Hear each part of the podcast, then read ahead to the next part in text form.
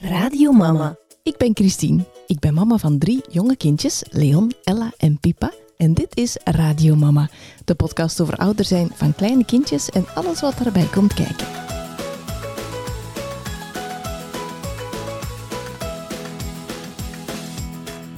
Welkom in deze aflevering van Radio Mama. Ik heb kinderpsychiater Eva Kestes te gast voor de tweede keer, want zij was in het tweede seizoen al eens te gast in de aflevering over de ontwikkeling van het brein.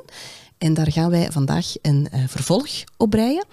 Um, ik ben een beetje verkouden nog altijd, dus dat ga je misschien horen. Even kaderen. um, welkom terug, Eva. Ja, dank u dat ik hier nog eens mag zijn. Dat is heel fijn. Ja, heel graag gedaan. Bedankt dat je nog eens wilde terugkomen. Uh, de vorige aflevering hebben wij het dus gehad over de ontwikkeling van het brein. Dat is ondertussen al drie jaar geleden. Ja, dat is lang. Hè? Ja, ik heb ze gisteren nog eens herbeluisterd. En um, het was toen ook december zelfs. Dus het is echt ah. exact drie jaar geleden, want mijn zoontje, ik vertelde toen over mijn zoontje, die mm -hmm. net drie ging worden. Ah, en hij ja. wordt nu dus drie. zes. Zes, wauw. Dus dat was echt van, amai, dat is al lang geleden. Ja. ja. Ik ben een klein beetje nostalgischer, want dit is de voorlaatste aflevering mm -hmm. Radio Mama ooit. Dus ja. hoe gaat het met u intussen? Um, het gaat goed. Uh, ja, we hebben corona achter de rug gehad. Dat, dat is eigenlijk een hele drukke periode geweest. Uh, maar ik heb nadien uh, een collega bijgekregen in uh, mijn werk in uh, het OBC. Terwijl in Spero ben ik heel blij mee, want daardoor um, heb ik iets minder, ben ik daar iets minder uren aan het werken en ben ik meer uren um, voor Kiem aan het werken. En Kiem is een team waar dat wij mee um, vorming geven, supervisie geven als het gaat over trauma bij, uh, bij kinderen. Ja. En dus dat is heel fijn dat ik dat, dat ik dat nu meer kan doen. En ook heel nodig waarschijnlijk. Ja, wij dromen van een uh, traumasensitieve maatschappij. Dat is eigenlijk ons einddoel. Ja. Uh, daar gaan we nog even aan bezig zijn, denk ik. Ja, kleine stapjes, hè? Ja, kleine stapjes. En dit is een, een van die kleine stapjes, dus dat is heel fijn. Ja. We hadden het in de vorige aflevering over Bruce Perry mm -hmm. en zijn neurosequentieel therapiemodel. Het is een, ja. een, een, moeilijk woord, maar ik denk dat het erop neerkomt dat het de uh, volgorde van ontwikkeling van de hersenen betekent? Ja, dat, dat eigenlijk dat therapiemodel daarop gebaseerd is. Op ja. hoe ontwikkelt een brein, welke structuren ontwikkelen eerst. Um, en, ook welke, en dat is dan gelinkt aan welke vaardigheden ontwikkelt een kind eerst. En dat je eigenlijk ook gaat kijken, als er in die fases dingen gebeurd zijn, bijvoorbeeld trauma, dan zijn er soms die structuren wat minder goed ontwikkeld of die netwerken.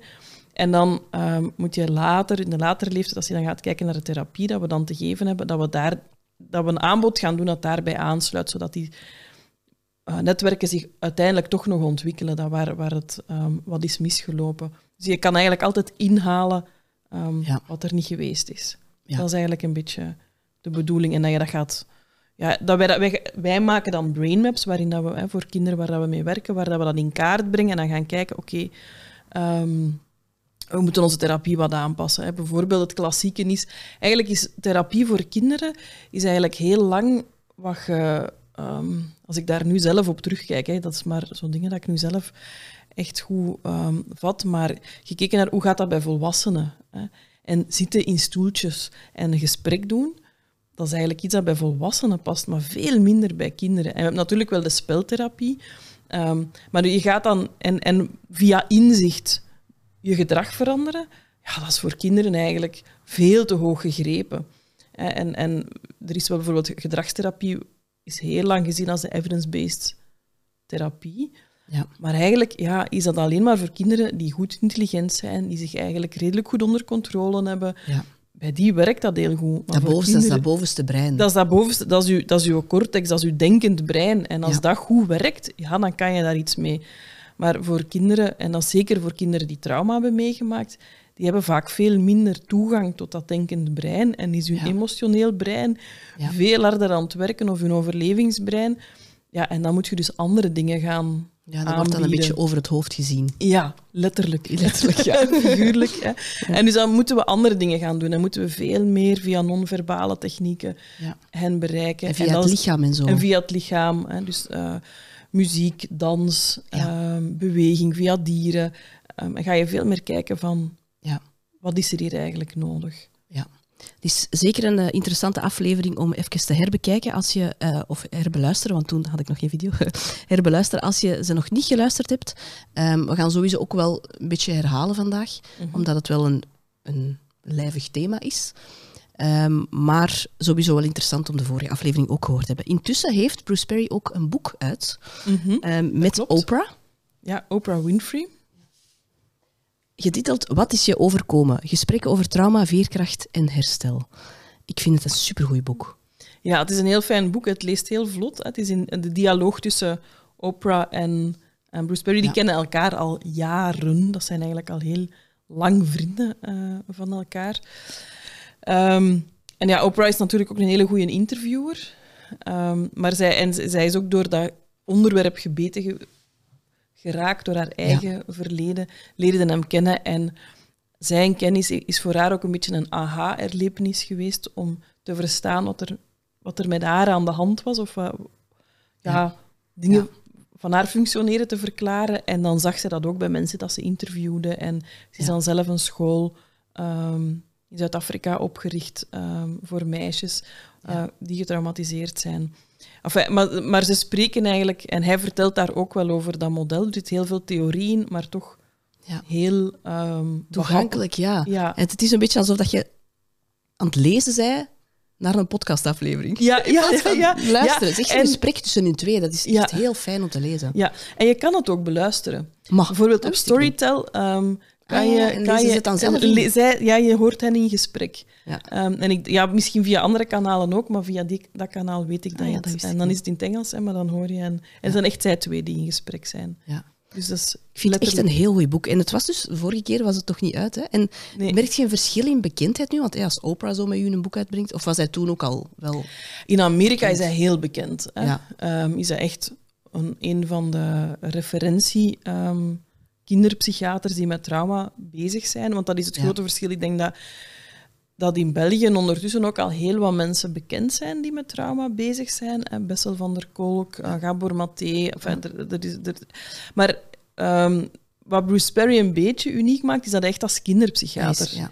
en echt naar de kinderen kijkt. En, ja. en niet als ja, want dat mis ik inderdaad wel heel vaak. Ja. Zo, Ja. hè, zo bijvoorbeeld Gabor Maté en zo, en Bessel van der Kolk, die kijken wel naar welke invloed je jeugd heeft op je volwassenheid. Mhm. Maar zo echt de trauma's bij de kinderen, dat, dat zie je toch zo vaak. Allee, dat lees ik toch vaak niet. Nee, dat is ook zo. Dat, is ook zo. Ja. Dat, dat, dat wordt veel minder. En dat, dat, is, dat is een beetje standaard, hè, dat heel veel dingen ehm, in de geestelijke gezondheidszorg, ja, de volwassen psychiater of de zorg voor volwassenen was er eigenlijk wel eerst, bestaat al veel langer. Ja. Ehm, er is al langer onderzoek, meer kennis. Ehm, en dat heeft heel lang ook de blik bepaald hoe dat we naar kinderen kijken. En ook, Mm. zeker ook als het over trauma gaat, is er heel vaak gekeken van hoe ziet dat er bij volwassenen uit. En hebben we dan zo en ik zelf ook, ik ben zelf ook nog opgeleid in kijken naar kinderen met trauma, alsof het kleine volwassenen Ja, zijn. een aangepaste versie van de volwassenen. ja, en eigenlijk moeten we hoe langer hoe meer zeggen van nee, hè, kinderen zijn kinderen en zijn geen kleine volwassenen. Ja. Ehm, volwassenen zijn ooit kind geweest, maar kinderen zijn nog geen volwassenen. hè. En dat ziet Hun brein is nog anders. hun brein is, is nog, nog niet helemaal ontwikkeld, hè, is nog niet volledig eh, gerijpt. Dus sowieso zijn er dingen anders en zien klinische beelden er anders uit. En dat is heel belangrijk. Ze hebben ook andere dingen nodig dan Ja. volwassenen nodig hebben. Sommige dingen zijn gelijk ook, hè, maar Ja. Ja, Ja. ik vond het echt een heel, heel goed boek. Echt aan te raden. En ik heb nu van u daar straks eh, ontdekt dat hij wel nog een ander boek al had. Ja, zijn eerste boek, en dat is, voor mij is dat mijn lievelingsboek, hè, De jongen die opgroeide als hond, Ehm, omdat ik hem via die weg heb leren kennen. En eigenlijk, misschien ook een beetje een bijzonder verhaal, ik was op vakantie en daar was een, een, ehm, een mama een, met twee adoptiekinderen. En die vertelde mij van, ik heb een boek gelezen dat, eh, dat voor mij mijn blik op mijn kind helemaal veranderd heeft. En zij gaf mij dat, die titel en ik dacht, ja, oké. Ehm, en het heeft toch een tijd geduurd eer dat ik dat dan, zo'n beetje, laten we zeggen, misschien wat arrogant als kinderpsychiater, je denkt, ja, het zal wel. Hè. Eh, maar dan toch dat boek gekocht. Ik was daar dan toch nieuwsgierig naar, want er waren wel leuke mensen. Ik dacht, ik ga dat toch eens lezen. En voor mij is er toen een wereld opengegaan. Hè. Ja. Ehm, ja, diegenen dat daarmee bezig zijn, is een beetje alsof, alsof je ineens het licht ziet. Hè. Zo, het, klinkt een beetje... Nee, nee, maar ik snap wat je wilt zeggen. Je kunt ja. ineens niet meer anders kijken. Voilà, exact. En, en je kunt het niet meer niet weten. En, Ja. en, en ja, ja, heel mijn manier van werken, van kijken ehm, als kinderpsychiater is daardoor gewijzigd. En dat is dat boek. En hij vertelt daarin zijn eigen ontwikkeling als kinderpsychiater. Hij is ook neurowetenschapper, dus hij is op een bepaald moment is hij eigenlijk zelf bezig met onderzoek naar, naar stresssystemen bij ratten. Dat is een van de dingen waar hij onderzoeken rond doet. En hij is ook in de klinische praktijk. En dan begint hij de link te leggen van, ja, maar wat ik daar aan het onderzoeken ben, zou daar geen link zijn met hoe dat, dat ook bij kinderen dan gaat? En zou dat stresssysteem niet mee een rol spelen in, hoe, in, in de klachten die zij hebben en, en, en wat wij zien? En uh, je krijgt ook een beetje de geschiedenis van de kinderpsychiatrie in Amerika, krijg je er gratis bij. Um, en hij vertelt het eigenlijk allemaal aan de hand van, um, van verhalen, van ja. uh, casussen um, ja, die hij meemaakt en die hem elke keer iets nieuws leren over ja. hoe moet ik naar trauma kijken. het zijn heel vaak heftige verhalen, mm -hmm. uh, want hij wordt echt betrokken bij de, de, ja, de meest complexe verhalen in Amerika. Um, maar ze hebben altijd iets heel hoopvol. Um, Het eindigt eigenlijk altijd met hoop, omdat dat ook iets is dat hij, dat hij heel erg uitdraagt. Dat hoop is ook belangrijk om te kunnen groeien. Ja. En, en daar krijg je ook de theorie van zijn model mee, maar je krijgt het, je, je krijgt het mee zonder dat je het door hebt. Dat je ja. heel wat neurobiologie. Dus het is ook wel toegankelijk. Het is heel toegankelijk. Het leest ook als een roman. Ja. Ah ja. Ja, het leest echt al, ja omdat je al die verhalen. Check um, op mijn bol.com lijstje. Ja, echt waar. Zeker doen. Ja. En laten we het eens hebben over de titel van het boek met Oprah. Ja. De titel is Wat is je overkomen? Mm -hmm. uh, en het, met de titel willen ze eigenlijk zeggen, of, of zouden ze graag willen dat die vraag vaker gesteld wordt? In de plaats van wat is er mis met jou? Ja, omdat ik denk, hè, dat, ik denk dat er, dat, dat er wel een verschuiving bezig is. Hè, maar klassiek in de hulpverlening, maar ik denk nog zeker in de maatschappij algemeen wordt er zeker met mensen met, met wat psychische problemen vaak gekeken van wat is er mis mee? Wat, wat, hmm. hè, waarom doe jij zo raar? En eigenlijk, zeggen van, eigenlijk heb je de vraag te stellen, wat is u overkomen? Want dat wat jou overkomen is, bepaalt eigenlijk heel vaak jouw functioneren. En als je gaat begrijpen wat iemand overkomen is, ga je ook beter begrijpen waarom die doet wat hij doet. Ja. Dat wil niet zeggen dat je allemaal alles moet vergeven, want dat is vaak een wat mensen denken dat daar dan uit volgt. Hè, als mensen dan echt grensoverschrijdend gedrag stellen, wat kan, ja, dan moet je natuurlijk nog altijd begrenzen. Ja, ja het is maar, niet van laat ze maar doen, want ze hebben trauma gehad. Ja, ja, voilà. Nee, dat is het niet. Maar als je goed weet wat hebben ze meegemaakt, dan weet je ook beter hoe kunnen we hen helpen om het anders te gaan doen. Mhm. Zodat het, dat, dat gedrag zich niet meer moet voordoen. En da, daar gaat het eigenlijk over. Hè. Dat, dat, um, ja, dat, je, dat, je beter, ja, dat je achter het gedrag kunt kijken en dat je dus beter weet hoe kunnen we helpen, hoe kunnen we ondersteunen. Ja, en het is die een bril die je zo niet meer kunt afgezet krijgen, vind nee, ik. exact, kunt, exact. Ja. Uh, bij alles u afvragen van... Alleen, wat zit daaronder? Hè? Ja, ja, wat heeft iemand meegemaakt? Hè? Ja. En, um, en het, maakt, het heeft mij ook voor veel, allee, voor veel situaties milder gemaakt. Mm -hmm. um, ook voor, hè, want soms, ook als kinderpsychiater, ja, je komt soms ook al wel in situaties terecht of dat je, dat je ouders tegenkomt dat je denkt van, waarom doen die dat toch? Hè? Wat, wat, maakt toch dat ze hun kind dit of dat aandoen? Hè? Ja. En dan, dat, dat kost dan toch wel wat... Um, om, om, om daar allee, mild naar te blijven kijken. Ja. Maar hoe meer dat je weet van, ja, maar wat hebben zij meegemaakt? Ja. Wat heeft hun ouderschap bepaald? Dat je ook beter kan begrijpen waarom ze de dingen doen die ze doen, maar dat je hen ook beter kan helpen om het anders te gaan doen. Mhm. En dat is echt wel een wereld van verschil. Ja. Um, het neemt heel wat, wat um, ergernissen weg in, in het dagelijks leven, maar in, in het werk. Je wordt milder, je wordt hoopvoller ook, want je ziet ook wat er kan veranderen. Ja. Uh, en dat, is eigenlijk, dat, vind, dat, dat, heeft, ja, dat is ook, en dat merk ik ook bij mijn collega's, vanaf dat wij zo zijn beginnen kijken, zien we meer de groeikansen. Mhm. En ehm, daarvoor was het vaker, want wij werken met, met, kinderen die echt heel wat hebben meegemaakt, gezinnen die heel wat hebben meegemaakt. Ja. Um, waar je vroeger soms hopelozer, hulpelozer, machtelozer kon uh, Damage van, control of zo. Ja, want ja, als we het uh, wat kunnen stabiliseren, zal het goed zijn, zeker. Terwijl dat we nu veel meer zoeken van, oké, okay, nee, maar wat, kunnen we wel doen? En waar kunnen ja. we nog voor groei zorgen? En, mm -hmm. en dat, zo, dat geeft veel meer um, ja. energie en, en, en vrijheid. Dat is echt heel fijn. Ja. We hebben het in de vorige aflevering ook over gehad, maar laat het ons nog eens even herhalen. Wat is nu precies trauma? Wanneer kunnen we spreken over trauma? Ja, dat is eigenlijk een kei moeilijke vraag. Sorry. um, want eigenlijk, ja, eigenlijk klassiek hebben we het over ik ga, ik ga, moeten kijken hoe moet ik dat precies uitleggen. Want er is al een verschil tussen volwassenen en kinderen, dat heb ik in de vorige ja. um, uh, aflevering gezegd. Waar, zoals ik zei van in het begin, hè, keken we zoals hoe, dat, hoe is dat bij volwassenen.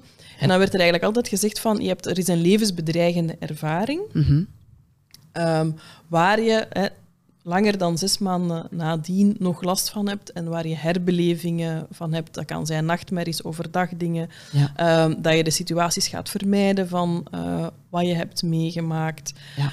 Eigenlijk is dat de klassieke posttraumatische stressstoornis, Ja. zoals dat die er bij volwassenen uitziet. En dat kan bijvoorbeeld, je bent slachtoffer geweest van ehm, bij een terreuraanval, je was daar aanwezig. Hè. Ja, dat is een klassieker. En dan kan iedereen begrijpen dat je daar een trauma van over kan houden. Ehm, en we, zijn eigenlijk al, we keken altijd naar de gebeurtenissen en eigenlijk klopt dat ook niet helemaal. Nee. Want er kunnen twee mensen zijn die dezelfde gebeurtenis meemaken en de ene gaat wel last ontwikkelen en de Ja. andere niet. Hè. Dus daar, daar, daar zit- daar zitten al individuele verschillen op. Dus eigenlijk moeten we vooral kijken naar hoe reageer je op een gebeurtenis. Mhm. Ja. Ja.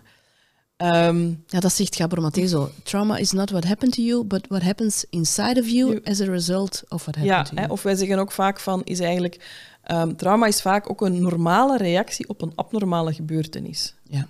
Hè, en ik ga dat proberen ehm, ja, wat uit te leggen. Ehm, eigenlijk ga, hoe we gaan reageren of hoe ons lichaam gaan rea- gaat reageren, is eigenlijk als een soort van overlevingsreactie op wat er jou gebeurt. Een kopingsmechanisme.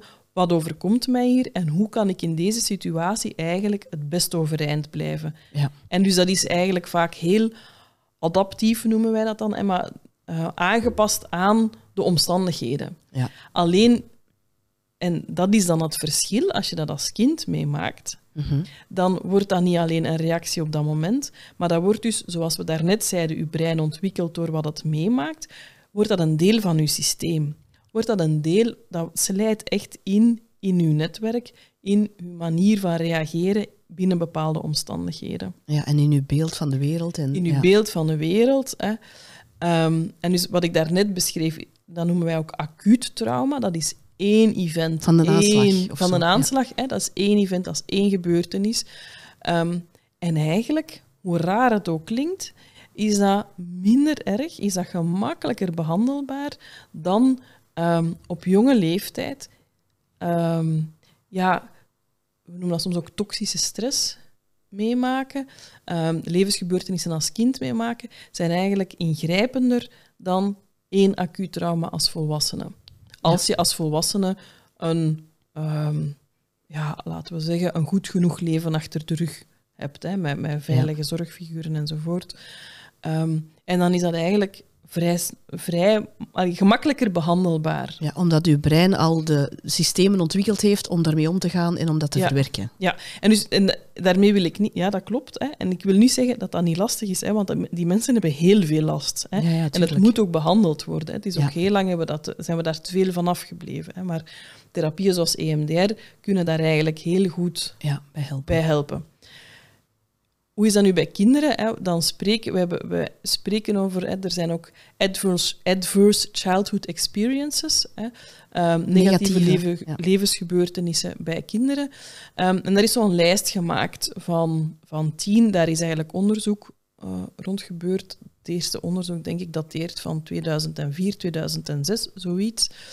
Ehm, en ze zijn dus, hebben die lijst, eigenlijk wat is er gebeurd? Ze hebben bij duizenden eh, volwassen Amerikanen van de middenklasse, want dat is niet onbelangrijk, ehm, gaan vragen van oké, ehm, welke van deze tien gebeurtenissen heb je eigenlijk ehm, allemaal meegemaakt als kind? En welke problemen heb je op dit moment? En gezondheidsproblemen, en dat gaat dan zowel over lichamelijke problemen als over ehm, emotionele problemen. Heb jij het lijstje? Ik heb de lijst erbij gepakt. Ja. Gewoon dat ik eens een voorbeeld wilde geven. Ja, dat is Ja, want dus het zijn tien, inderdaad tien gebeurtenissen. Ja. Eh, en bijvoorbeeld, het eerste is, heeft een ouder of andere volwassene in het huishouden je vaak of heel vaak vernederd, uitgescholden of beledigd? of zich zo opgesteld dat je bang was voor fysiek geweld. Dat is bijvoorbeeld een eerste. Ja. Ehm, maar het gaat ook over. Um, heeft een lid van het huishouden ooit in de gevangenis gezeten, staat er ook bij. Of um, had je vaak of heel vaak het gevoel dat niemand in je familie van je hield, dat niemand je belangrijk of speciaal vond, of dat er in je familie niet echt naar elkaar omgekeken werd, dat jullie niet close waren met elkaar of voor elkaar opkwamen. Uh, het gaat ook over seksueel geweld. Um, ja, het gaat over hè, um, seksueel misbruik, uh, fysiek geweld, maar ook vooral getuigen zijn. Ik denk dat, dat is een hele belangrijke dat mensen dat vaak ja. niet zien, zeker niet bij kinderen. Dat, dat u zelf niet is overkomen, maar dat je het hebt gezien ja, bij je ouders bijvoorbeeld. Ja, ja. En zeker als je het als kind hebt gezien binnen het gezin, hè, um, is, is, is vaak heel ingrijpend. Um, wat dat heel lang onderschat is. Hè. Er is ook heel lang gedacht dat kinderen, zeker voordat ze taal hebben, van die, die snappen niet goed wat er gebeurt, dus dat heeft geen impact. Die weten er toch niks meer van. Die weten daar toch niks meer van. Ja, en dat, moet, dat weten we ondertussen dat dat dus absoluut niet waar is. Hè. Ja. Zelfs hoe jonger dat je het meemaakt, uh -huh. um, hoe groter de impact. Ja. En dat heeft net te maken, waar je daarnet verwees, is, ja, je hebt die kopingsmechanismen nog niet. Je, weet, je, je, kan er geen betekenis aan geven, want dat maakt ook een groot verschil. Als je snapt wat er aan het gebeuren is, um, stel dat, er, dat, dat, dat uw huis in brand staat, hè, maar als uw ouders erbij zijn die, die, die u uitleggen van dat en, en, en we brengen jou in veiligheid en, um, ja. en er, er kan wat uitleg gegeven worden aan wat er gebeurt en, en, en je kan het gevoel krijgen van ik ben veilig en mijn mijn geliefden zijn, hè, de mensen die belangrijk zijn voor mij, zijn veilig, is dat iets ja. heel anders dan als je als kind niet snapt wat er gebeurt. Mm -hmm. En eigenlijk voelt van, ik ben, on, ik ben hier onveilig. Hè. En dus als baby, ja, dan ga je het lijf hebben dat reageert. Dan heb je echt dat stresssysteem dat daarop ja. um, gaat reageren. En dan zien we bijvoorbeeld kinderen die, um, of mensen, want hè, het gaat even goed over volwassenen, die dat als, als, dat als kind, als heel jong kind hebben meegemaakt die gaan achteraf vaker de neiging hebben om ofwel te vluchten of om zich af te sluiten. Want wat doet een baby in grote stress? Die gaat wenen. En die weent eigenlijk om opgepakt te worden, om uit die stresserende omstandigheid ja. weg te geraken. Help mij. Help mij. Help mij vluchten. Help ja. mij hieruit te geraken. Hè. Um, maar ja, een baby kan zelf niet vluchten, kan mm -hmm. zelf ook niet vechten als er, als er hem iets overkomt. Dus wat gaat hij doen? Die gaat zich afsluiten, die shut down. Hè. Die gaat proberen niet meer te voelen um, wat er gebeurt. Bewustzijn gaat ook verminderen. Ja. Um, en dan, ja, wij noemen dat, ik noem dan uw overlevingsbrein neemt het over. Hè. Als je het wilt linken aan de polyvagaaltheorie, dan is dat uw dorsale ja. Um, de freeze. De, de freeze, hè, die, die dan heel erg aanwezig is. Um, maar dus, wat, wat, dat is ook het deel, hè, uw, um, uw overlevingsbrein of uw hersenstam, dat eigenlijk echt zorgt dat je in leven blijft. En als dat systeem het gevoel heeft, je kan hier levensgevaarlijk gewond geraken, uh -huh.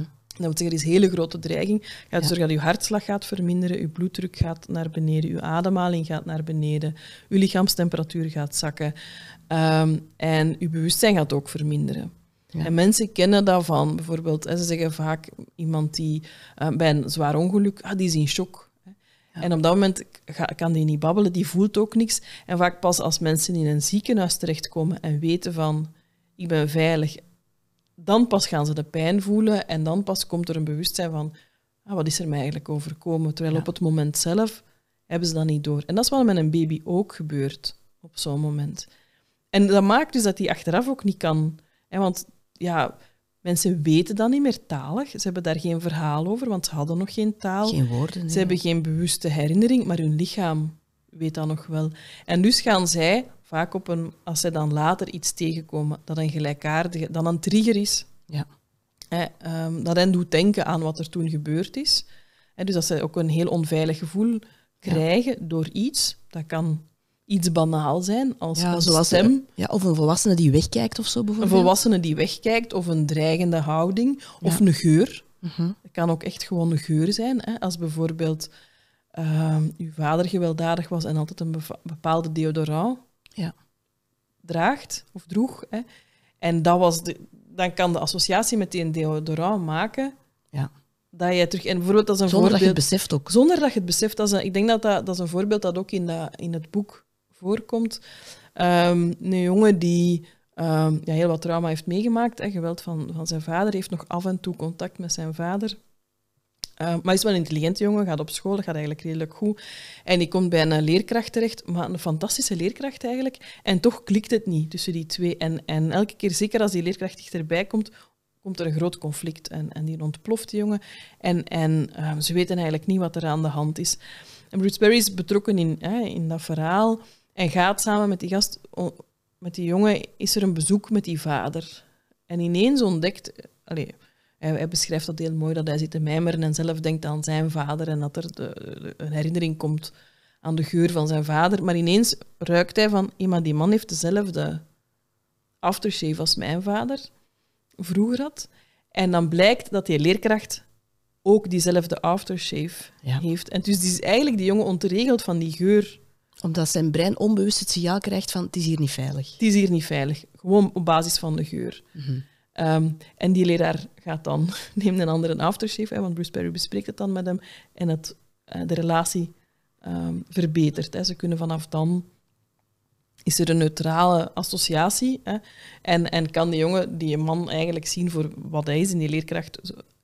En de relatie herstelt en ze krijgen eigenlijk een goede band en die jongen kan terug functioneren op school. Maar het gaat soms dus over heel banale dingen. Ja. Ehm, en dus hoe jonger dat je bent, ja, hoe, ja, gaat het veel meer nog over welke zintuigelijke prikkels heb je gehad op dat moment. Die een link leggen.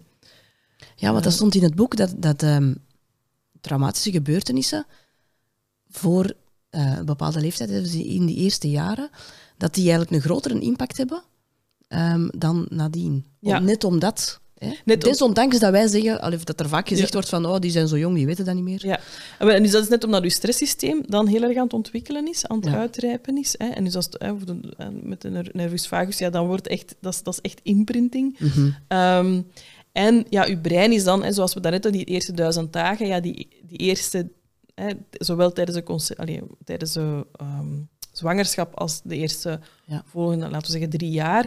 Dat, op dat moment is je brein ja, zo snel ontwikkeld het nooit meer. als in die eerste fase. Dus alles wat er dan binnenkomt, ja, wordt echt wel... Ja. Um, ja, genoteerd. genoteerd. Zoals Luxine het zou zeggen, de vagus noteert. Ja, ja voilà. Hè. Maar, maar dat is, de vagus noteert, maar uw brein noteert het dus ook. Het zenuwstelsel in uw brein. Ja, ja, dat is de, uw vagus is uw, de, de communicator tussen uw brein en uw lichaam. Ja.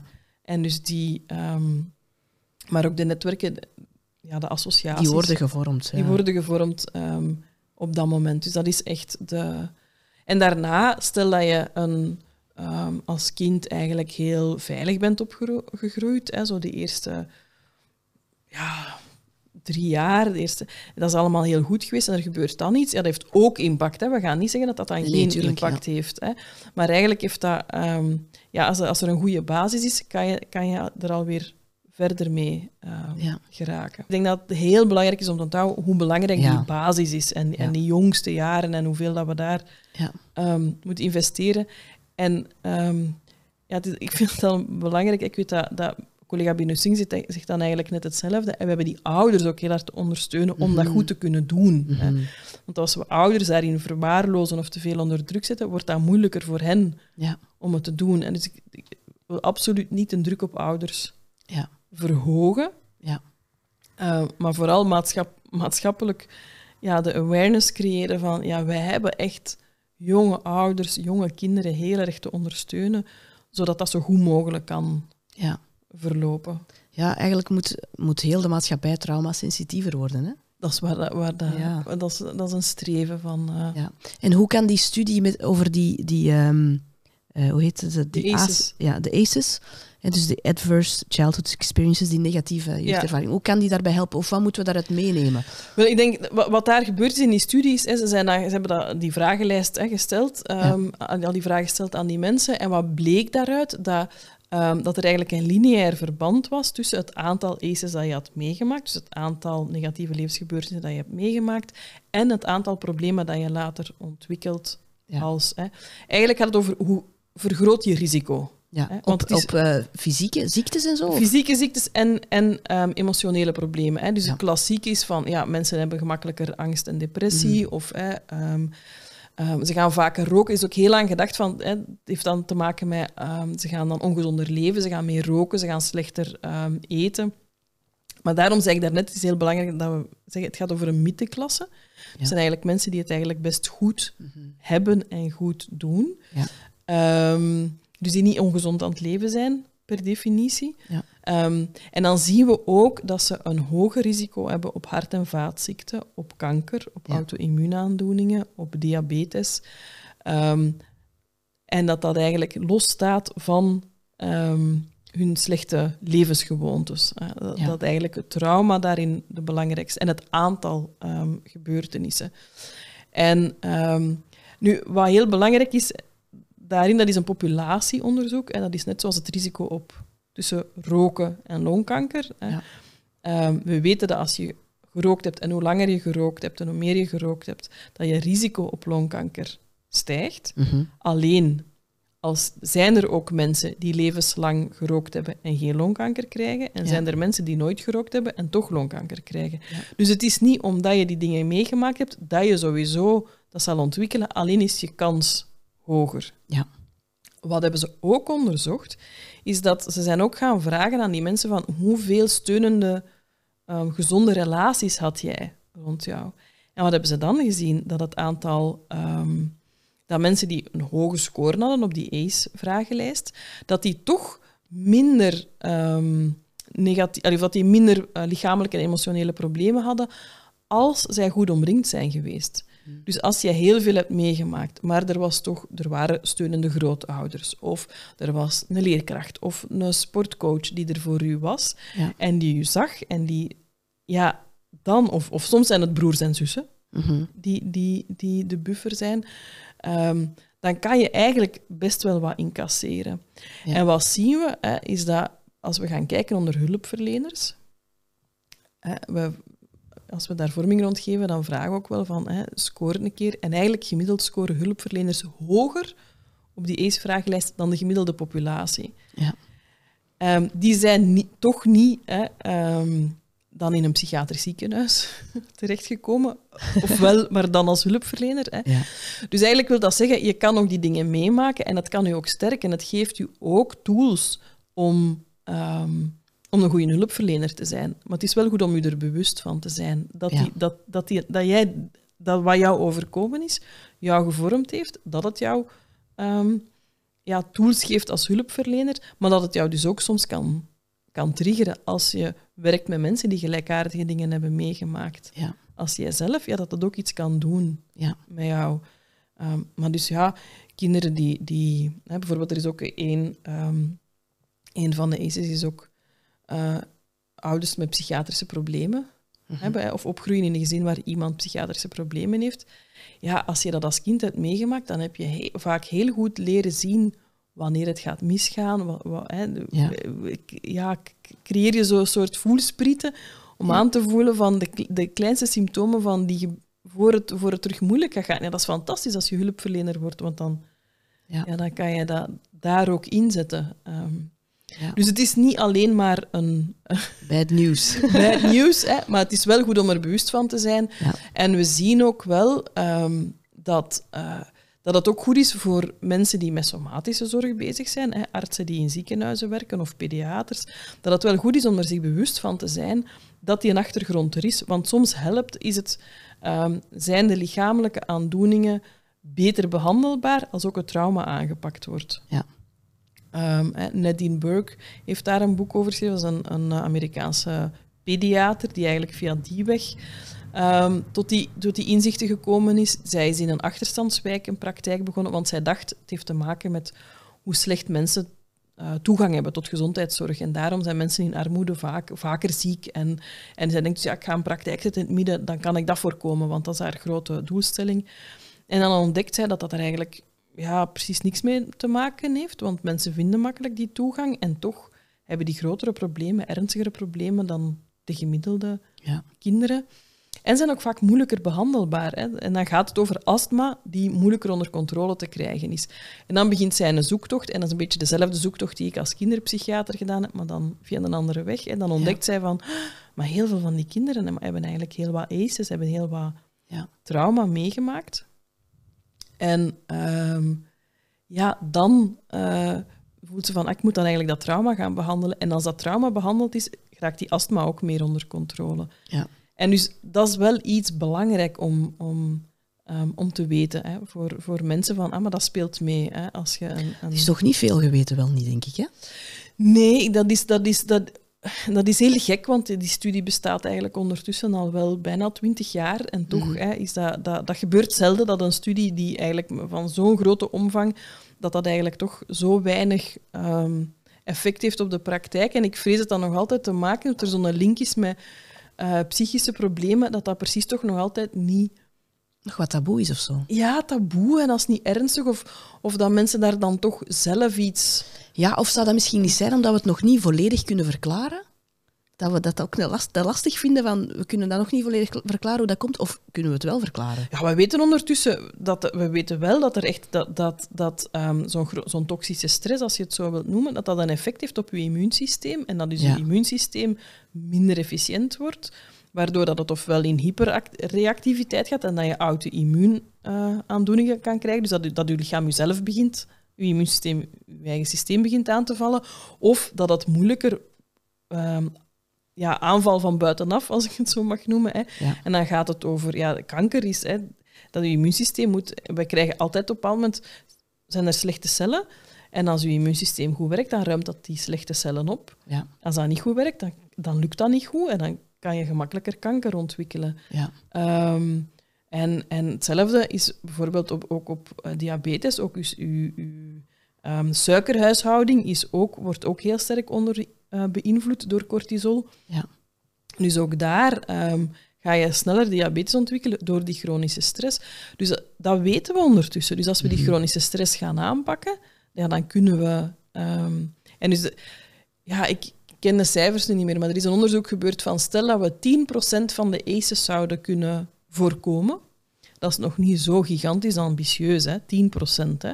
Dat is dan ene van de tien eh, verminderen. Ja. Ja, ja of het aantal Allee. kinderen met ACEs. Ja. Hè, ehm, ja, dan zouden we biljoenen winnen aan kosten binnen de gezondheidszorg. Ja. En toch, hè, dus dat gaat over veel grotere cijfers dan tussen roken en longkanker. En toch wordt daar niet dezelfde ehm, investeringen rond gedaan om dat gedaan te krijgen. En ik denk dat dat wel te maken heeft dat, dat het moeilijker... ehm natuurlijk zeggen, niet roken is gemakkelijker dan zeggen... Hè, of dat lijkt gemakkelijker bereikbaar dan... ehm, er mag geen geweld meer zijn in gezinnen. Ja. Hè. Maar dus, zelfs daar is ons land niet goed in om daar al gewoon wetgeving rond te organiseren. Hè. Dat geweld op kinderen, dat dat verboden moet zijn. Hè. Daar, de pedagogische ethiek, ja, dat blijft ja, waar een, is die eh, grens en hoe controleert je het? Ja, het is Ja. een minder afgeleid gedrag dan een sigaret roken. Ja, maar eigenlijk wa- waar, waar, waar, waar ik en, en een aantal met mij wel van dromen, is dat we eigenlijk zouden kunnen... Eigenlijk zou je willen dat ouders, als ze voelen van... Tja, we zijn hier rap ontregeld, we roepen rap op ons kinderen. Oh nee, ik heb mijn, mijn kleine geslagen. Dat die naar de huisarts kunnen gaan en zeggen... Help ja, mij. Help mij, dit is Ja. gebeurd en ik wil eigenlijk niet dat dat gebeurt. Ja. Help mij. En nu zit daar heel veel schuld Schaamte. en schaamte rond en, en, ehm, en wat onhandigheid nog bij, bij, ehm, bij hulpverleners, court, Ja, om te daarover weinig te kennis, spreken, te ja. weinig kennis.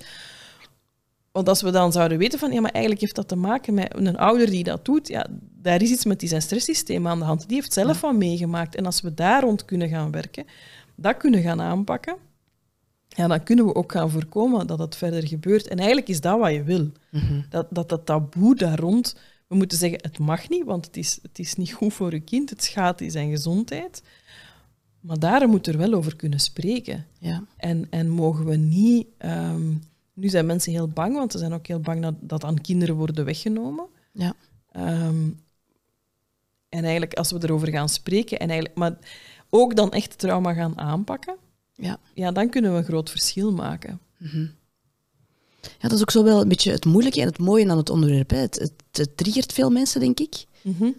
Ehm, maar het, het, je, je bent zelf een ouder, maar je bent zelf ook een kind Mhm. geweest. Ja. Hè? Dus om Ja. zo alles ook terug te koppelen naar uw eigen jeugd. Hè? Mhm. Eh, want in hoeverre heeft, heeft u, uw ouderschap, of wordt uw ouderschap beïnvloed door de dingen die je zelf hebt meegemaakt als kind? heel erg, denk ik dan. Heel erg. Hè? Ehm, je zet altijd een product van, van je kindertijd. Hè? En, en soms ga je ehm, ja, dingen heel erg willen vermijden of anders doen. Hè? Um, hè? zie heel vaak ook ouders die zelf geweld hebben meegemaakt, die dat absoluut niet willen herhalen. Mhm. Maar ze hebben dan vaak niet goed geleerd van hoe, hoe doe ik het dan wel. Ja. En voelen zich dan en gaan dan soms heel veel dingen toelaten. En, en om, of, of zonder zich af als ze voelen van ah, ik, ik word graag gefrustreerd, ik moet zorgen dat ik hier weg ben. Hè. Gaan dan andere dingen zoeken om, om zeker niet dat geweld toe te passen. Ja. Ehm, en, als je dan, en dan kan het soms, ja, als je dan geluk hebt en je hebt een goede partner gevonden die dat thuis wel heeft meegekregen, dat kan dan heel erg compenseren. Dan kan je het via die weg ook nog wel leren. Ja. Die ehm, co-regulerende factor eigenlijk ja, aanwezig ja, is. Ja, ja hè, ehm, maar je kan ook zelf geen geweld hebben meegemaakt en dan in heel stresserende omstandigheden terechtkomen, waardoor ja, dat je zo machteloos voelt dat het, dat het wel gebeurt. Hè. Ja. Ehm, maar we zijn altijd een product van, van wat we hebben meegemaakt. Ja.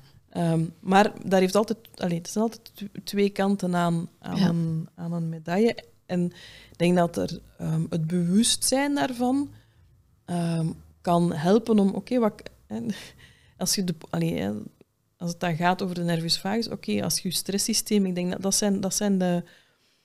Ehm, ja, dat zijn al wel de basisdingen van daar voeling mee krijgen van wat zijn de dingen waarvan ik ontregeld, um, ontregeld raak en wat zijn de dingen die mij terug tot rust kunnen brengen. Hè? Wat, was, en, en, en daarmee aan de slag gaan, ja, dat, is al, dat is al fantastisch. Dat, is al, dat is eigenlijk al een hele belangrijke tool als dat u al lukt. Ja. En dat is niet zo gemakkelijk altijd. Hè? Um, absoluut niet. Nee, dat is zo'n tijdje ook zo wel een beetje een dooddoener geweest. Hè? Zo, je moet voor jezelf zorgen. Hè? Uh, pak eens wat vaker een badje. En dankzij Nina Mouton, zo, die heeft dat dan wel wat, wat allee, veranderd naar het... Daar gaat het eigenlijk niet om. Het gaat er echt om dat je ja, leert hoe je zenuwstelsel werkt en wat je nodig hebt. Ja, exact. Ja. Om je, jezelf te reguleren. Hè? Ja, en, en dat is voor iedereen wat anders. Hè? Mm -hmm. bij de ene kan dat een badje zijn dat hem reguleert, maar voor de andere is dat gaan sporten. Hè? Um, of ontdekken van, ja, um, ja, als ik meer begin te drinken, dan wil dat zeggen dat er eigenlijk wel wat, wat aan de hand is in mijn leven. Dat is stress. Oei, wat kan ik daarmee doen? Uh, ja. ja, kijken naar, naar, naar, naar, u, naar, naar uw signaal. Uzelf goed leren kennen. Hè. Ja. maar dat is, dat is natuurlijk, als je heel veel hebt meegemaakt, is dat ook best lastig. Ja. En dan, heb je, dan doe je het best met een hulpverlener, want dan kan het wel, allee, dat kan ook pijnlijk zijn om, om die dingen te gaan ja. Maar er is altijd hoop. Ja. En er is altijd mogelijkheid tot herstel, tot groei. Dat is het, als je, dat is het leuke aan kijken vanuit het brein. Mm Weten dat dat plastisch is, weten dat dat open staat voor verandering. Dus elke nieuwe ervaring is een kans om het anders te gaan doen. Ja, nieuwe paadjes die gesleten worden. Ja. En dus daar straks had je het al even aangegeven, hè, ehm, en in de vorige aflevering ook al kort, dus bij volwassenen ziet het er anders uit dan bij kinderen. Ja. Hoe is dat dan concreet? Ja, dus ik denk dat het belangrijk is, als we het hebben... Dus we spreken eigenlijk vooral over die ingrijpende gebeurtenissen als kind. Hè. Uh, want een kind kan natuurlijk ook getuige zijn van, van een aanslag. En dan krijg je wel veel meer dat klassieke patroon van herbelevingen. Um, zoals het er bij volwassenen uitziet. Alleen gaat bijvoorbeeld een kind dan veel meer dat in spel uiten. Ja. Hè, dan zie je dat in het spel terugkomen. Um, maar als we het hebben over die ingrijpende gebeurtenissen, die toxische stress, die kinderen um, kunnen meemaken, dan gaat dat dus, zoals we daarnet zeiden, inslijpen in hun systeem, op hun stresssysteem.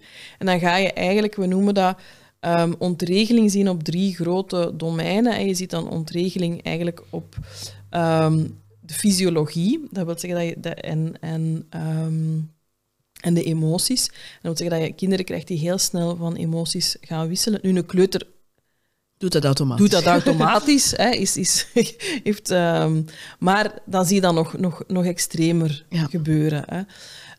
Um, en, uh, maar ook hun, hun lijf. Hè, hun, hun lijf reageert mee. Um, ze zijn veel sneller. Je gaat vaker slaapproblemen krijgen, uh, eetproblemen, zo die basisdingen. die, die, die, die moeten goed gaan hè, voor een baby ja. uh, of voor een jong kind. dat, als dat dan, ja, dat gaat vaak dan moeilijker. Ja. Um, en dat kan doorslapen zijn, inslapen, nachtmerries. Um, en eten kan, kan gaan van tussen ja, heel weinig eten nog tot, tot onverzadigbaar zijn. Hè. Alles heeft ook een beetje mee te maken met wat dat ze ehm, hebben meegemaakt. Ehm, of ja, of, of ja, dat, dat bepaald eten, dat ze bepaalde dingen gaan weigeren, bijvoorbeeld. Dat, dat, dat kan ook een baby die, die ehm, eh, op intensieve gelegd, een kind op intensieve en heel veel buizen in zijn mond, ja, dan, kan, dan kan de herinnering van bepaalde ervaringen uh, in de mond ook last geven met eten. Hè, en ze kunnen het dan zelf nog niet zo goed zeggen. Ja. Um, dus dan zie je dat op lichamelijk vlak, op emotioneel vlak. En dan heb je uh, ontregeling op vlak van gedrag en aandacht. En dan zie je kinderen die zich vaak heel moeilijk kunnen concentreren. En die krijgen vaak verkeerdelijk de diagnose mm. ADHD. Soms kan hè, niet elke ADHD-diagnose is onterecht, maar bij kinderen met trauma kan dat er wat ADHD-erig uitzien. Maar hun concentratieproblemen komen veel meer vanuit een hyperalert zijn, van het scannen van de omgeving. Potentieel gevaar. Potentieel gevaar. Eigenlijk altijd op, op hun kivief zijn, er gaat hier toch niks gebeuren. Ja. En dat hun brein veel meer daarmee bezig is dan dat het kan aandacht geven um, aan het hier en nu. Um, en ze zijn dan vaker impulsiever, um, gaan sneller ontploffen. En, en sommigen krijgen dan de diagnose van een gedragsstoornis, omdat ze ja, sneller op de vuist gaan of moeilijker luisteren. ze hebben ook de neiging om controle te willen nemen, bepalend te zijn in een situatie.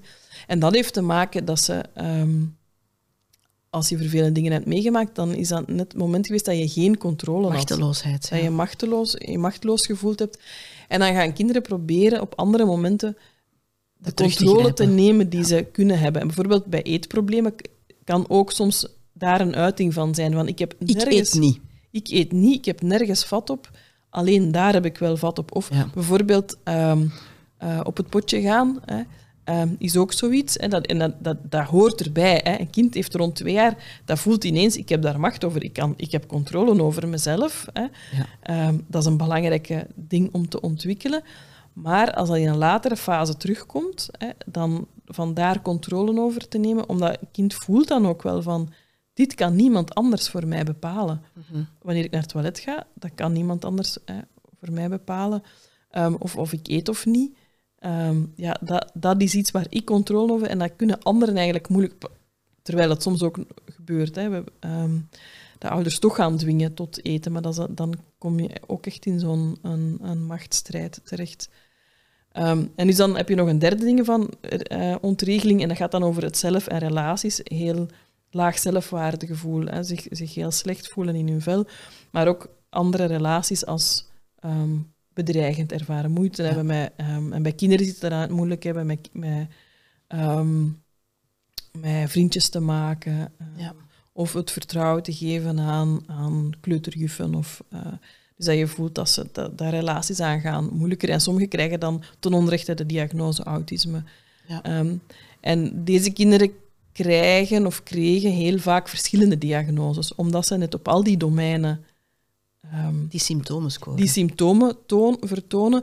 En dan hebben ze nooit, ja, dat ziet er wat, dat lijkt op ADHD, maar het is toch niet helemaal dat. En, mm. en, en het, is, het, lijkt op autisme, maar toch ook niet helemaal. Maar eigenlijk krijgen ze dan vaak ja. diagnoses om het te proberen te omschrijven. En achteraf blijkt dan van, ja, nee, eigenlijk gaat dat over trauma en zie je op al die domeinen um, ontregeling.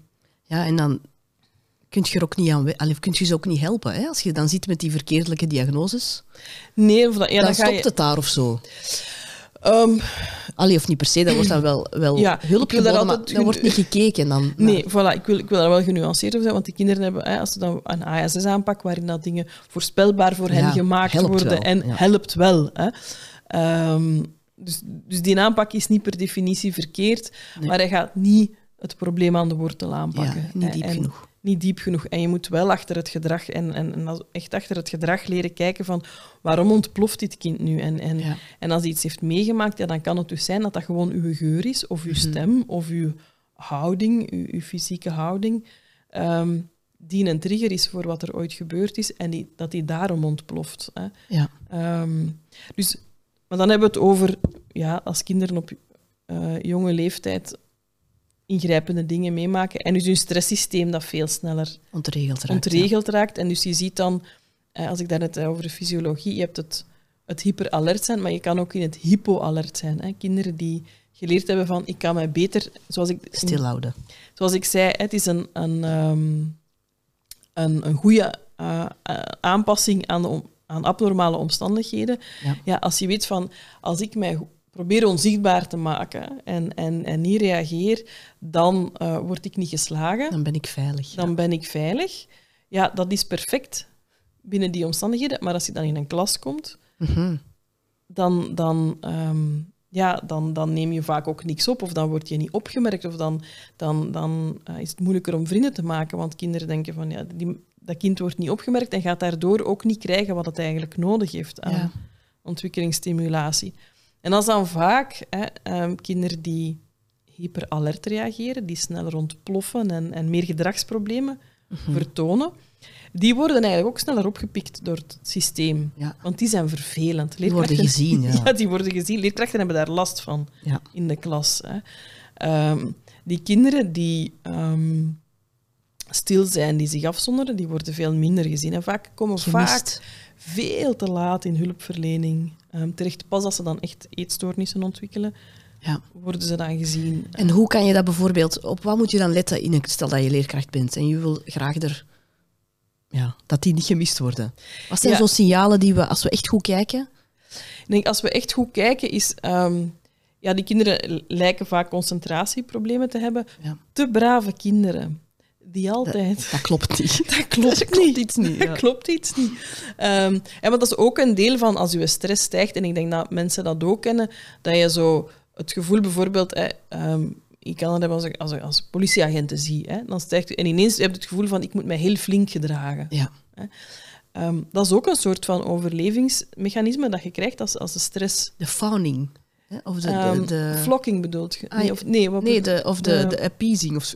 Pleasing, ja. ja je hebt, dingen pleasen, ja. Ja, dus. ja, pleasen, maar je hebt... Ja, en, en dus bijvoorbeeld als ook wat, wat, wat bijvoorbeeld vrouwen die seksueel geweld hebben meegemaakt, hè, dat ze voelen van... Op een bepaald moment gaan ze soms daarin mee, worden ze, ja. gaan ze op een robotachtige manier... Um, gehoorzamen aan ja. wat er hen gevraagd wordt. Maar dat is eigenlijk puur als een overlevingsmechanisme. Dat is keigoed, want dan raakt hij niet harder gekwetst dan nodig. Dan nodig. Hè? Allee, of nog harder dan het, dan het dat is een freeze-reactie eigenlijk. Ja, dat is iets dat, dat daar nog voorkomt eigenlijk. Dat, ah, dat is zo, dat, dat, dat, gaat dan over de nuances. Maar dus bij kinderen zie je dat ook, dat die, als die geleerd hebben van ja, um, er kan hier, het kan hier ontploffen, dus ik kan maar beter gehoorzamen. Ik ga super, het superflinke kind proberen uit te hangen. Ja. Want dat gaat mij doen overleven, helpen overleven. Dus de kinderen die, die in school altijd... Maar eigenlijk is dat het klassieke. Ja knikken, je hebt daar een gesprek mee, geeft die, die knikken ja en je denkt, ja, ze hebben het gehoord. Ja. En achteraf doen die dat niet. Dan hebben ze ja geknikt vanuit een, ik zit in een stress en ik zeg maar ja, maar ik heb het niet geregistreerd eigenlijk. Ja. En um, dat zie je eigenlijk heel vaak. En ik denk dat, um, ja, en bijvoorbeeld een gewone omstandigheid. Ik denk mensen die bij een dokter komen en stress hebben voor welke diagnose dat ze gaan krijgen, kan je dat ook hebben. Dat je daar zit en je zegt, en die dokter is van alles aan het zeggen. En, en achteraf denkt ja, wat heeft hij gezegd? Ik wat heeft hij gezegd? Ik ben alles vergeten. Dat is een beetje dat. Hè. En dus kinderen die dat heel vaak tonen, um, ja, daar moet je je zorgen over maken. Ja. En dus ik denk de, de Um, en als dat, en dat, is extra moeilijk. Hè. Um, wij zien dat in leefgroepen ook, dat die kinderen gemakkelijker over het hoofd gezien worden. Dus als leerkracht is het belangrijk van... Heb ik al mijn kinderen gezien en is er een kind dat ik hier vaak mis? Of dat, dat, dat heel stil is en dat... Um, geef daar extra aan. Ja, ga, ga kijken wat er aan de hand is. Hè. Want dat kan ook gewoon extreem verlegen zijn, maar wees daar alert voor. En, en ga niet uit dat flink en braaf zijn, dat dat betekent dat alles oké is. Want dat is niet per definitie zo. Ja.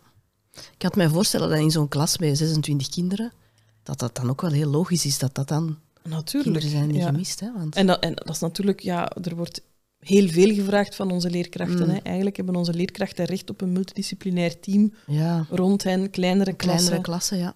Um, zodat zij zelf ook gereguleerd voor een klas kunnen staan. Hè. Er zou zo'n functie moeten zijn, eigenlijk, de co-regulator van de leerkrachten. Ja, ja, ja, dat zou, ja gewoon, maar dat, ik denk dat leerkrachten dan gemakkelijker gereguleerd zijn als ze weten dat bepaalde dingen worden opgenomen door anderen. Hè, dat zij, en, en dat zij dan de ruimte hebben om, om die dingen allemaal te zien. Maar nu moeten zij duizend en één jobs tegelijkertijd proberen te combineren. Ze moeten en psycholoog zijn. En ja, dat gaat niet. Hè. Je kunt dat niet allemaal, al die functies in één persoon ehm, gieten.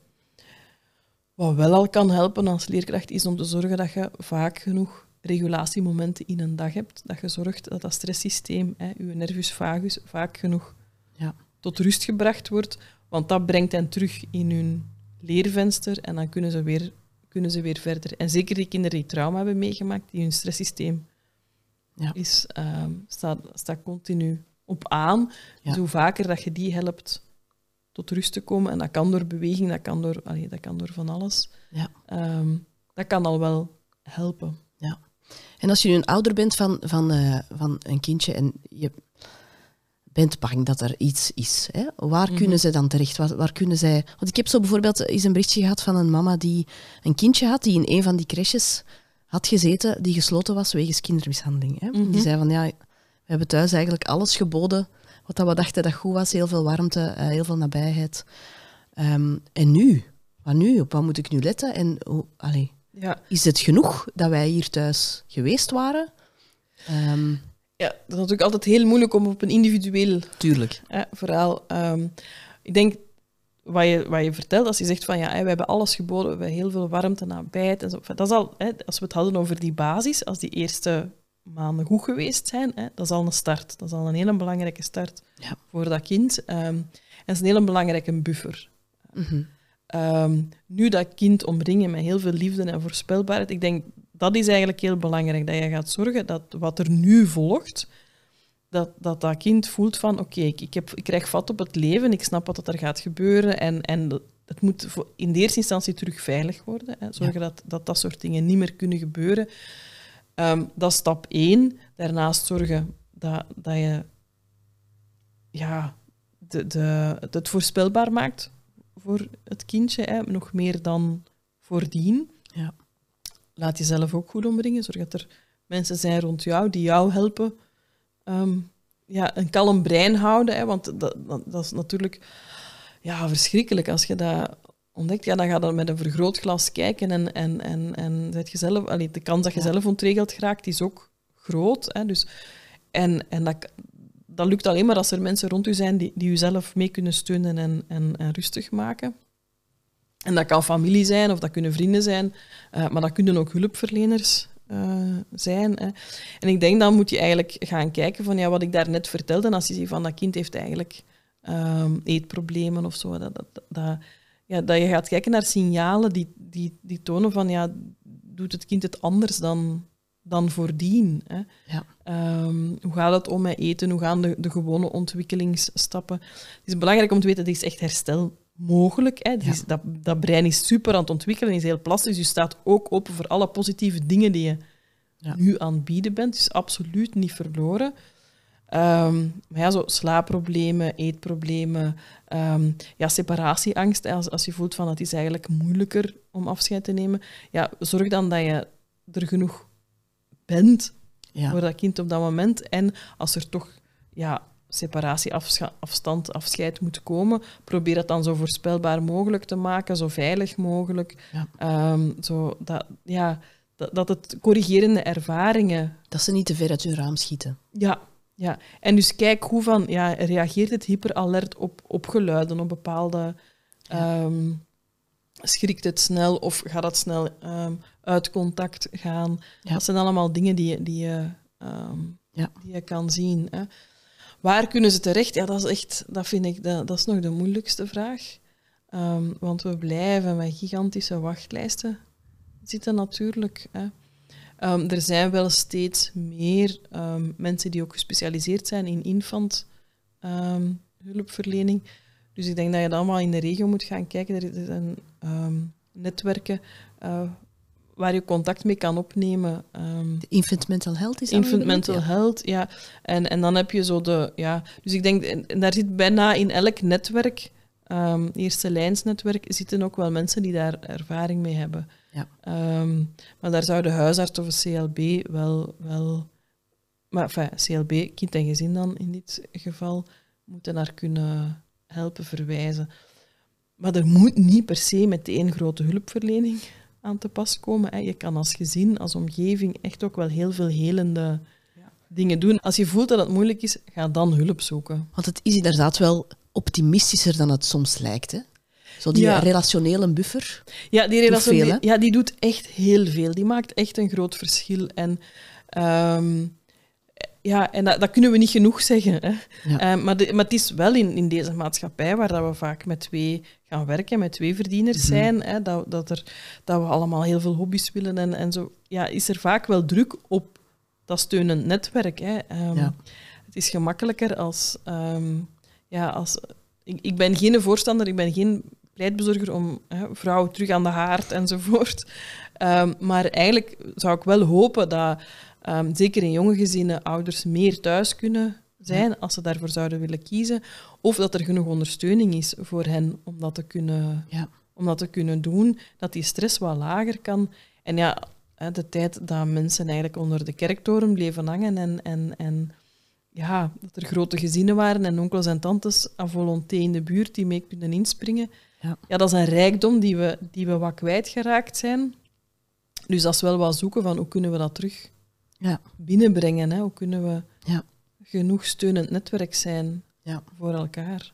Ik herinner mij ook nu zo het verhaal van Mark Brackett, zo die een boek die eh, Permission to Feel heeft geschreven over emotionele geletterdheid, die zelf vertelde over hoe hij was misbruikt door ehm, een, een, een buurman of zoiets. En die eigenlijk, en, en zijn ouders ook niet echt daarbij, daarover terecht kon. En die had één oom. Hè, dus uncle, eh, ik weet al niet meer wat de naam was. En eh, die had zich daar echt aan opgetrokken. Dat was echt zo Mhm. één volwassen, veilige connectie die hij had. Ja. Die echt voor hem, ja, hem had gered eigenlijk. Ja, en dat, en dat is wat we zien. En dat, en dat is echt superbelangrijk. En dat is bijvoorbeeld sinds dat wij hè, ehm, met die dingen bezig zijn en dat van Bruce Perry geleerd hebben, is dat ook iets waar wij zelf veel actiever naar op zoek gaan. Ja. Van, kunnen we voor dit, dit kind, dit gezin, steunende figuren vinden? En, en eh, we gaan bijvoorbeeld vaker dan op een school toch... eh, want soms zijn er kinderen die, die, die geen ouders meer hebben die echt betrokken zijn. Dan gaan we op een school kijken van, is hier een leerkracht die daar iets extra mee wil kunnen doen. En daarom moeten die die kinderen niet in huis nemen. Hoeft dan niet per se pleegzorg te worden. Maar één keer in de week, één keer in de maand, ehm, ja, zorgen dat die een fijn contact hebben waar Ja. dat ze op kunnen terugvallen. Ehm, ja, dat maakt een wereld van verschil. Ehm, Ja. Ze hebben ook een jongen gehad waar ik echt het gevoel had, oh, daar geraken we... Hè, die is eigenlijk pas maar echt beginnen groeien het moment dat we zo'n figuur voor hem hadden. En dan ineens zag je, hup, dat, dat er wat we aanboden, dat ineens ehm, zag je die vooruit gaan. En dat is echt super belangrijk. En, maar mensen die in stress zitten, hebben vaak de neiging om net de sociale contacten te beperken Ja. ehm, en, zich te gaan isoleren. Ja. Dus eerst Ehm, moeten die stress verlagen. Ja, maar soms kan Met dat maar connectie, ja. met connectie. hè. Ja. Dus het is, het is een, eh, maar dan is het goed dat, dat ofwel hulpverleners ofwel mensen er rond dat, op, dat opmerken en zeggen van Ja. oké, laat dat niet zomaar gebeuren. En, en ehm, als het over uw vrienden gaat, als het over uw familie gaat, ja, probeer dan toch Ja. die stap te zetten, zodat ze niet geïsoleerd Ja. geraken. En bij kinderen die dan bijvoorbeeld gedragsproblemen hebben, eh, niet de, de, de reflex hebben om ze dan af te zonderen, als straf bijvoorbeeld, want dan is net geen connectie en dan gaat hun Ja, zenuwstelsel ook niet kalmeren. nee, dat is heel moeilijk. Hè. Ehm, dat is bijvoorbeeld in leefgroepen is dat ook vaak een, een heel moeilijk punt, of in klassen of zo, een kind dat ontploft. Hè. En, en er is, je moet de veiligheid bewaken je natuurlijk moet de van de veiligheid van iedereen bewaken. Hè. Ehm, ja, het, een time-in is altijd beter Ja. ehm, dan... Hè, dus dat ze, maar het gaat dan over dat je eigenlijk... Een, als je dat kan creëren op school, ja, dat, zou, hè, dat is ideaal. Dat je eigenlijk een plek waar ze naartoe... Dat ze weten, daar is iemand. Ja. Ik kan daar naartoe. Maar soms is ehm, te nabij zijn ook heel spannend. Mm. Hè, Voor kinderen die geleerd hebben dat relaties niet altijd veilig zijn, ehm, als jij dan zegt, met een, hè, zo, dat bijvoorbeeld in pleegzorg zie je dat vaak, kinderen dat daar terechtkomen en een heel warme pleegmoeder zegt, oh, kom maar, ik zal u... Hè, ehm, vinden zij heel beangstigend. Want eigenlijk ga je op zoek naar dat wat je kent. Ja. En, je, en, en jou, je verwacht, er gaat, iets, er gaat iets akeligs gebeuren. En je voelt het als veel onbetrouwbaarder. Iemand die zo dichtbij komt en zo, Ja. zo nabij wil zijn en warm wil zijn. Dan, eh, blijf maar op afstand, want dat, dit ken ik niet. Dus zorgen dat, er, dat je ergens terecht kan, maar dat jij als kind ook wel wat controle hebt over welke afstand Ja. Dat je dan neemt, of een plek waar dat je weet van je, je mag Ja. de klas uit als het moeilijk is, of je mag, ehm, hè, als het in een gezin is, je, je mag even weg. Het is beter dat je even weggaat als je voelt van ik ga ontploffen, Ja. maar dat we afspreken waar naartoe. Ja. Hè, je hebt kinderen die dan echt in de, in de, de flight gaan, die, die willen vluchten en die willen. ehm, maar dan moeten ze kunnen vluchten op een veilige manier. Dat ze niet Mhm. de straat oplopen, maar dat ze ergens naartoe kunnen. En dat, je op, dat kan je op voorhand afspreken. Op het Ja. moment dat ze wel rustig zijn, van als het moeilijk is. Ja. Soms kan je dat dan best al eens oefenen op momenten dat het goed gaat. Ja. Dat is jouw veilige plek, zodat het moment dat de vluchtreactie komt, dat ze daar naartoe kunnen. Ehm, Ja. Maar dus ja, afzonderen. En soms hebben ze wel de afstand nodig om te kunnen zakken, maar nooit Mhm. helemaal alleen laten. Ja. Maar het is echt soms een dans van hoe, Ja. hoe dichtbij mag je komen en, en maar hoe veraf. Ja. Dat, is, dat is niet altijd gemakkelijk. Ja. Je zei in het begin al en in het midden ook nog eens ergens dat het goed zou zijn als de maatschappij wat meer traumasensitief wordt. hè, Mhm. want onder emotionele en eh, gedragsproblemen zit vaak trauma. En dat wordt wat te vaak gemist, denk ik. In ons schoolsysteem, maar ook in het rechtssysteem bijvoorbeeld.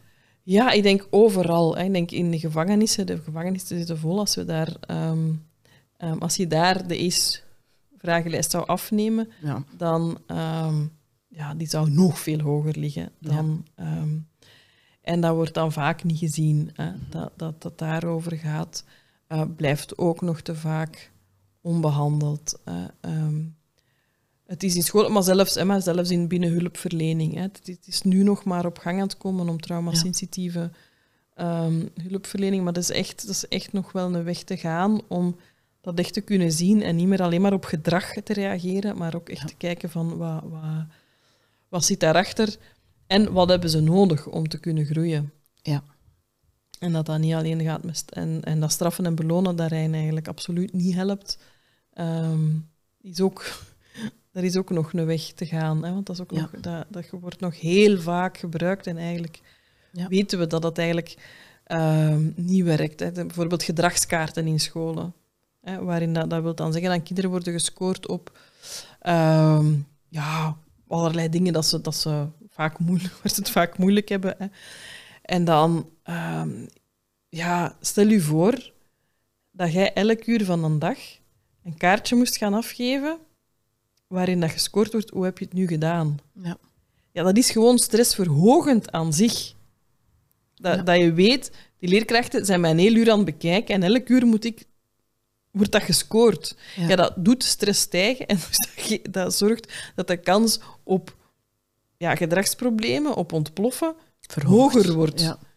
Dus dat, dat, dat, zijn, dat zijn hele goede bedoelingen, Mhm. hè, maar dat ze opnieuw uitgaan van dat, dat dat kind door te denken controle kan hebben over zijn gedrag. Ja. En eigenlijk moet je bij zo'n kinderen vooral zorgen dat er genoeg regulatiemomenten zijn, dat, die, dat er dingen zijn waar dat die controle over kan nemen.